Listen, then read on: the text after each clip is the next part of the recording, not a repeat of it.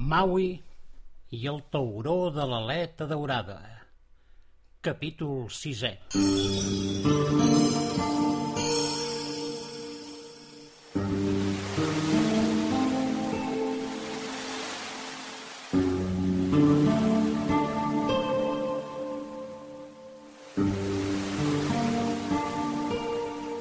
Quan a Cala, Mauna i Maui van arribar al poblat, tothom els mirava molt sorpresos. Semblava que no els coneixien. La mare de Cala i Mauna sí que els van conèixer de seguida i els abraçà amb llàgrimes als ulls. Darrere seu el pare, la família i els amics. Tot eren festes i alegries i, sobretot, plors i més plors. A Cala i Mauna no se'n sabien a venir. I doncs, què us passa? va dir a Cala. Feu com si no ens haguéssiu vist de fa molt de temps. Molt de temps? va dir el pare. Fa deu anys que vàreu marxar i ja havíem perdut l'esperança que fóssiu vius. Deu anys. Com havia pogut ser? Els nois creien que tan sols havien passat uns dies, deu dies a tot estirar. Però deu anys. Mai no havien trigat més de deu dies quan havien anat altres vegades a Bailima. Però que no us veieu, va afegir la mare. Les barbes, els cabells, els vostres cossos, ja no sou aquells nois de setze anys que vàreu marxar amb el nostre misteriós visitant en Maui. I ell mateix, tampoc no és aquell jove pescador de dotze anys. Ell també s'ha fet gran. Sou deu anys més grans. Esturats per tot el que els deien, no sabien com reaccionar i menys encara donar explicacions del que havia passat. Maui, aleshores, va preguntar per la família d'Àpia. Els volia explicar que la seva filla no tornaria. Àpia? No conec cap família del poble que tingui una filla que es digui Àpia, va respondre el pare de Cala i Mauna. Com no sigui que no m'hagi assabentat d'algun nou naixement. Cap dels presents sabia res d'una noieta de nom Àpia. Només un ancià, potser el més ancià del poble i que tots tenien com a cas perdut, perquè es passava els dies barbotejant paraules incomprensibles, va dir que creia recordar que feia molts anys havia arribat al poble una família amb una nena molt petita que li semblava la idea nàpia, però no ho podia asseverar. És a dir, que ningú no sabia res. Maui no va voler insistir més. Tot plegat era prou estrany i complicat i poc hauria servit dir-los res sobre aquella noieta que va partir amb ells rum a Bailima, i el mateix feren a Cala i Mauna. I Caupo encara viu? van preguntar els nois. Segur que ella pot explicar-nos què ha passat. Caupo és molt vella. Apenes surt de la seva cabana, va dir Matafala al cap del poblat. Si no fos per la seva tossuderia, crec que ja fa anys hauria mort. Tossuderia? va interrompre Maui. I tant que sí. Ella sempre ha dit que fins que no tornéssiu no es pensava morir, que encara li quedava feina per fer. I molt me'n queda! La veu de Caupo va ressonar enmig de la gentada que rodejava els nois. Que potser no em pensàveu avisar que havien arribat? Caupo avançà arrossegant els peus i cobert amb el seu capot de cerimònies. Els seus cabells eren molt més blancs del que recordaven els nois, però el foc dels seus ulls es mantenia viu com aleshores.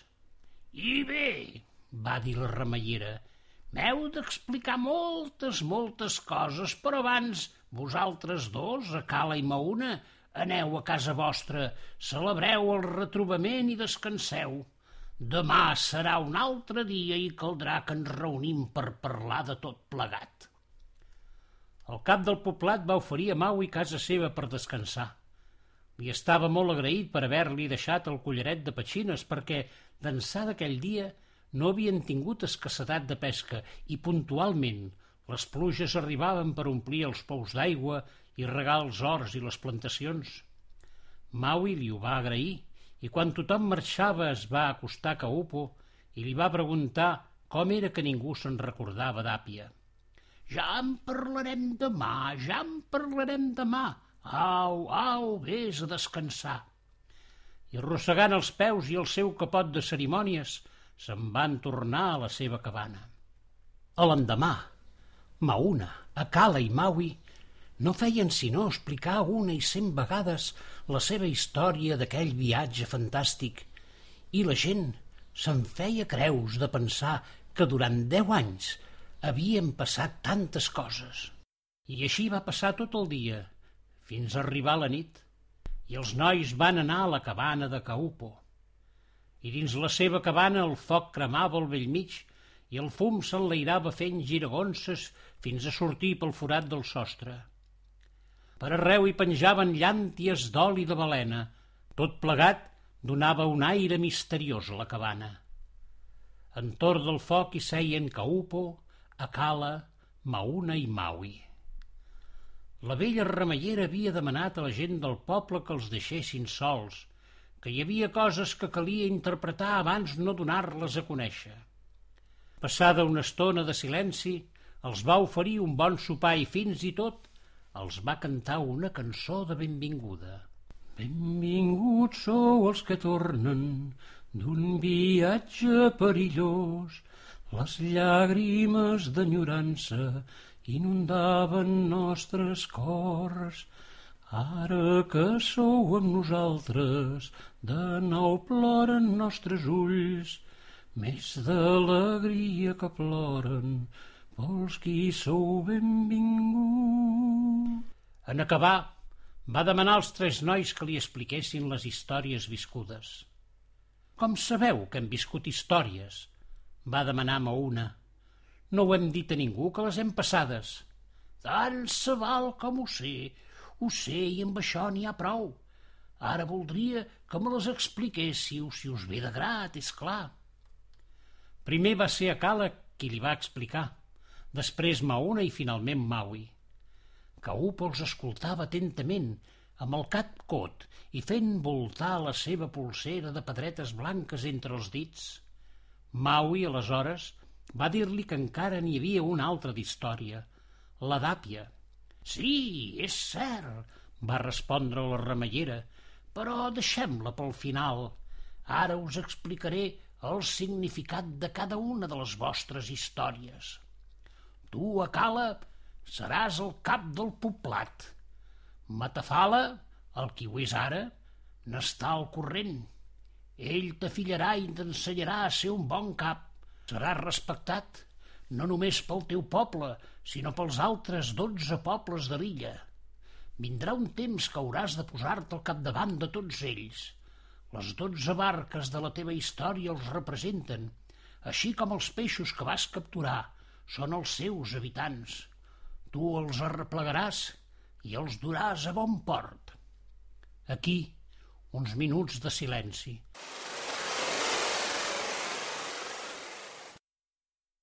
Els nois seguien la narració de Caupo sense apenes parpellejar i amb la respiració continguda. I Caupo va proseguir. Pel que fa a la teva història, Mauna, t'he de dir de primer que tu seràs el remeier del poble quan jo no hi sigui. Sí, ho has escoltat bé. Jo t'ensenyaré tot el que et cal saber i les teves prediccions seran escoltades per tots. Per això, quan sigui l'hora, els hi hauràs d'explicar el significat de la teva història, que és aquest. Vindrà un temps que, com la fletxa del teu art ha extingit els animals de la selva, del forat del volcà sortiran sagetes de foc que ho cremaran tot. Serà tanta la devastació que haureu de fugir mar enllà a la recerca d'altra terra on viureu. A Cala organitzarà la fugida però seràs tu qui posi el rum. Aleshores dispararàs per darrera vegada la teva fletxa i aquesta esdevindrà un estel fugaç que us guiarà cap a un nou indret on viureu. I per no perdre-us, lligareu les barques amb la corda de Baea. De nou, un llarg silenci.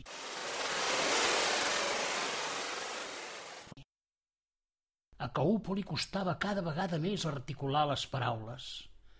Va veure del seu vol de fusta, va fregar-se la cara i va seguir parlant. Pel que fa al que et va passar tu, Maui, T'he de dir que dins d'aquell cub de llum el temps no va passar. De fet, les vostres històries a Cala i Mauna van passar en el no temps. Va ser el món que va envellir deu anys, mentre vosaltres viviu en un sol segon tot el que m'heu explicat. I tu, Maui, has tingut un son de deu anys protegit dins el cub de llum, però en retrobar-vos en el gorg, és a dir, en tornar al món, en tornar a casa, els deu anys els heu recuperat en dos dies. Durant tot aquest temps, les vostres famílies i amics han viscut en la creença que mai més us tornarien a veure. Però jo els encoratjava perquè sabia que un dia o altre tornaríeu.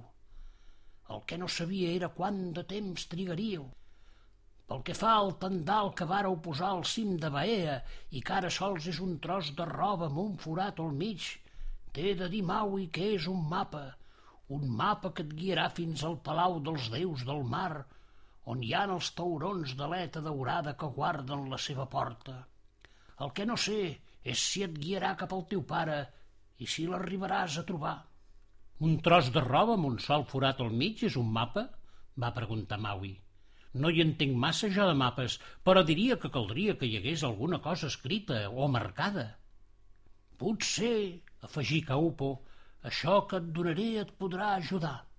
Aleshores la vella remellera es va descordar la brusa i els nois veieren que del seu coll hi penjava una bosseta de pell de foca. Acosta't, Maui, va dir Caupo. Maui s'hi acostà, tot tremolant, i alhora que agafava amb les seves mans aquella bosseta, va veure reflectida en els ulls de la vella la cara d'àpia i tot d'una ho va entendre. A Cala i Mauna també van veure la imatge de la noieta que els havia acompanyat en la seva aventura reflectida en la mirada de la remeiera i en un gest intuïtiu els tres se li van abraçar i van plorar d'emoció va ser com l'abraçada que es feren en retrobar-se en el gorg damunt de la roca de basalt.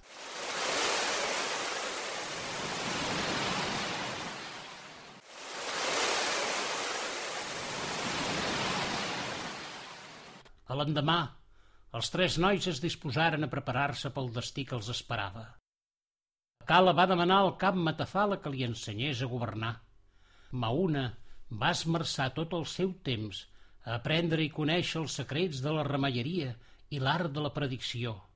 I Maui va dedicar hores i hores, dies i dies, a construir una nau per a poder seguir el seu viatge en cerca del tauró de l'aleta daurada. Mm -hmm. Mm -hmm.